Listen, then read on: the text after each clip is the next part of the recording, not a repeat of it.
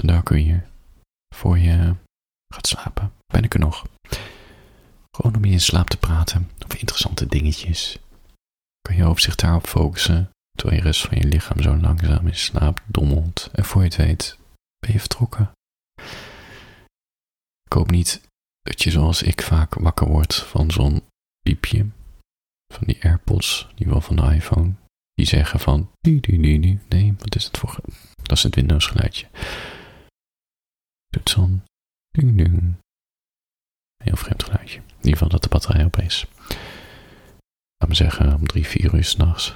Heel irritant. Maar ja, aan de andere kant, moet je niet in slaap vallen met die oordopjes in, Thompson. Voor je gaat slapen. Ding is een beetje als ellende mij overkomt, dat ik er dan niet over kan schrijven. Dat is best gek. Ik heb het echt meerdere malen in mijn leven geprobeerd.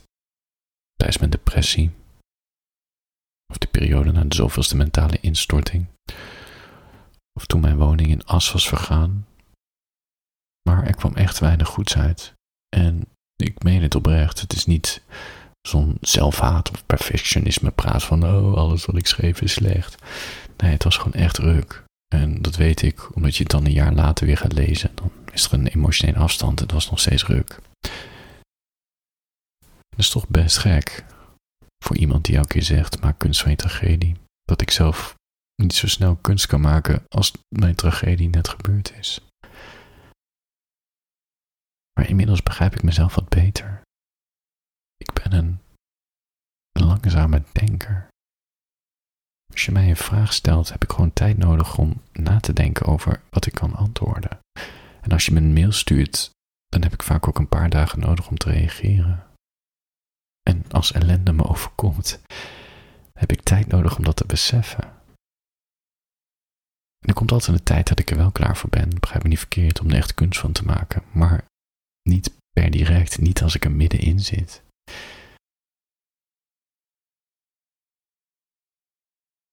En vaak begin ik ook wel eens aan een verhaal, gewoon een leuk ideetje. Ik begin eigenlijk nooit met het idee, ik ga nu van mijn tragedie kunst maken. Maar vaak als ik een idee heb van een verhaal, dan komt toch die tragedie erin gefietst, snap je? En dan denk ik, wow. Als ik dan teruglees, dat ze blijkbaar diep en niet verwacht dat dit nu uit me kwam.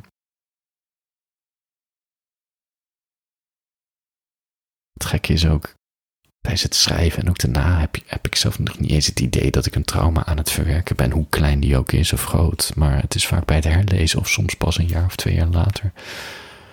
Dat ik een boek als Ze gingen samen toilet ook in mp4 kan lezen en kan denken: Oké, het is eigenlijk niet zo gek dat ik dat boek in die periode schreef. Maar ik had het pas een jaar of twee jaar later, besefte ik me dat pas. Donker dat boek is omdat mijn gevoelens heel donker waren. Dat ik net uit een depressie kwam geslopen. Ja.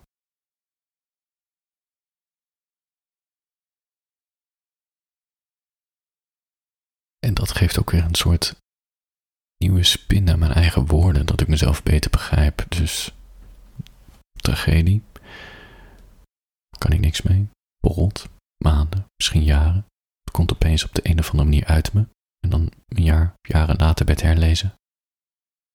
Case closed. Ik snap mezelf, gevoelens verwerkt. Kunst van mijn tragedie gemaakt. En het helpt me om een periode beter in perspectief te plaatsen. Daarom maak kunst van je tragedie. Voor je gaat slapen. Ik heb een uh, verhaaltje geschreven. Ik denk anderhalf jaar geleden. En ik zie dat ik hem ergens in december gepubliceerd heb in mijn dagelijkse mail. Wel een keertje op Instagram. Het verhaal heet Is aan het typen. Kort verhaaltje. Echt heel kort. Nou, kort. Wachten tot de onder je naam online verschijnt. Vervolgens nog even wachten om het op toeval te laten lijken. Vervolgens wachten op twee blauwe vinkjes. Wachten op is aan het typen. Telefoon vergrendelen. Wegleggen. Offline liken. Naar het plafond staren. Is twee minuten later antwoorden goed genoeg? Telefoon ontgrendelen. antwoord lezen, telefoon vergrendelen, nadenken over een reactie, grappig of, grappig of filijn, eerlijk of brutaal, antwoord typen. Je bent nog steeds online. Voor mij of voor iemand anders? Antwoord verzenden, twee vinkjes, niet blauw. Je bent nog steeds online. Nog iets tikken. Oké, telefoon wegleggen, telefoon oppakken, nog geen reactie, negeren. Ik kan zonder je. Ik heb dingen te doen. Je bent vast druk. Je hebt mij niet nodig. Telefoon oppakken, nog steeds geen reactie. Oké, dit begint een ongezonde gewoonte te worden. Wacht, ik zet de meldingsgeluiden weer aan. Dan hoef ik niet te kijken, maar hoor ik het wel. Telefoon weg, geluidje. ja. Nee, mijn moeder. Ik moet het anders doen. Mijn telefoon vergeten. Wandelen, zonder telefoon, mediteren, boodschappen doen. Geluidje. Jij bent het. Niet lezen, niet lezen, niet lezen. Bedwing jezelf, bedwing jezelf, bedwing jezelf, niet lezen. Oké, ik wil het weten. Oh. Antwoord tikken. Filijn of grappig? Eerlijk of brutaal? Oh, je antwoordt meteen. Ik moet nu ook direct antwoorden. We zijn nu in dialoog. Geen pauzes ertussen laten. Ik heb al je aandacht. Eindelijk, eindelijk. Nee, toch niet. Maar je blijft online. Zijn er anderen zoals ik? Niet aan denken, niet aan denken. Je maakt jezelf gek, je maakt jezelf gek. Ik ben leuk en uniek genoeg. Als je dat niet wil, berg voor jou. Ik ben leuk genoeg. Ik stel je gewoon nog een vraag. Je bent offline. Wachten tot de je naam online verschijnt. Vervolgens nog even wachten om het op toeval te laten lijken voor ik weer alweer wat antwoord. Ik heb namelijk de hele dag de tijd voor je. Oké, okay, dat was het. Het is de eerste keer dat ik dit verhaaltje voorlees. Werkt best goed. Ik kan hem ook al langer kunnen maken. Hm, leuk verhaaltje. Dan zeg ik het zelf. Sorry. Voor je gaat slapen.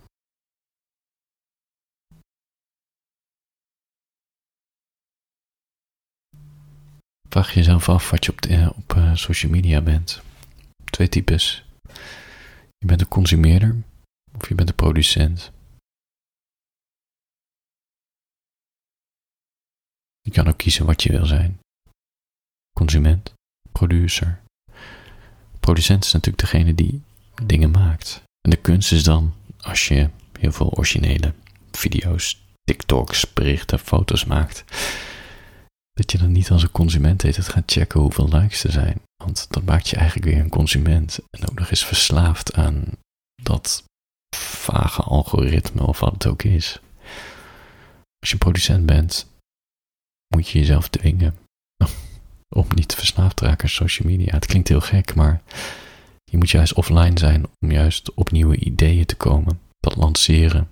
En dan een dagje later of een paar uur later even checken hoe het gaat, antwoord geven op de mensen die het gesteld hebben en dan weer offline. Het is heel moeilijk. Dat is dus de reden dat ik iedereen heb ontvolgd op eh, Instagram. Ik ben er helemaal klaar mee. Ik zit er natuurlijk op op die app. Ik meen het echt. Niet voor vermaak, maar omdat ik mijn kunst verspreid via onder andere Instagram. En ik betrap me natuurlijk regelmatig op dat ik een soort ja, zombie status word gezogen. En soms is het heel fijn, begrijp me niet verkeerd. Het is soms echt heerlijk om een half uur of drie kwartier helemaal opgezoogd te worden in filmpjes en in accounts van mensen en van kunstenaars en dichters en fotografen. Maar vaak kost het me alleen maar energie. En vaak komt het alleen omdat ik dan even wil checken of iemand nog gereageerd heeft. Of om toch even te zien of een post het goed doet. En voor je het weet zit ik weer te scrollen. Dus ik dacht, ik stop ermee. Ik ontvolg iedereen. Iedereen. Behalve mezelf. En uh, schrijf je gevoelens op account. Het is best gek. Ik volg nu twee hashtags. Melancholie, volgens mij op zijn. Dus ik zie dan af en toe een plaatje van iemand uit Spanje of uit Japan of zo, die dan die hashtag heeft gebruikt. Ik weet niet eens wat de ander is.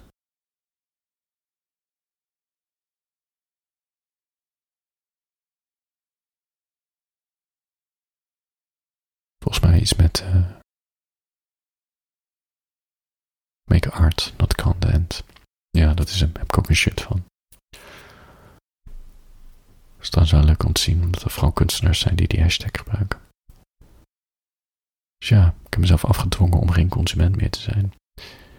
Tegelijkertijd, ik ga hem ook niet heiliger doen dan ik voor ben. Het is dan dat ik niet de consument ben op Instagram, maar YouTube is mijn valkuil. Ik heb het heel vaak onder controle, sommige weken niet. Dan zit ik echt heel, ja, op YouTube staan ook filosofie onderwerpen en mensen die hele biografieën van schrijvers vertellen. En ja, YouTube is echt een goudmijn.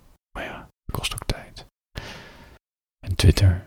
Ik heb echt een haat-liefdeverhouding met Twitter. Er is te veel negativiteit erop. Maar ja, er zitten ook wel vette dingen soms tussen. Ingewikkeld.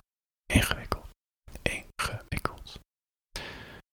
Dus, als je moeite hebt met social media en je baalt van je eigen verslaving, vraag jezelf af, ben je een consument of een producent? als je een producent wil zijn, zou je toch echt moeten stoppen met consumeren. Je hebt het niet nodig voor de inspiratie. De inspiratie zit juist niet op je tijdlijn. Voor je gaat slapen.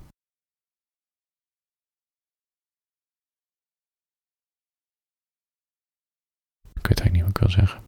Misschien ben je al weggedommeld. Of luister je dit berichtje morgen vroeg nog een keer. Ik wil graag nog iemand wel trusten wensen. Um, het is best wel grappig. Ik krijg natuurlijk af en toe reacties. Het is niet dagelijks, maar af en toe. En uh, ik zoek het even op hoor.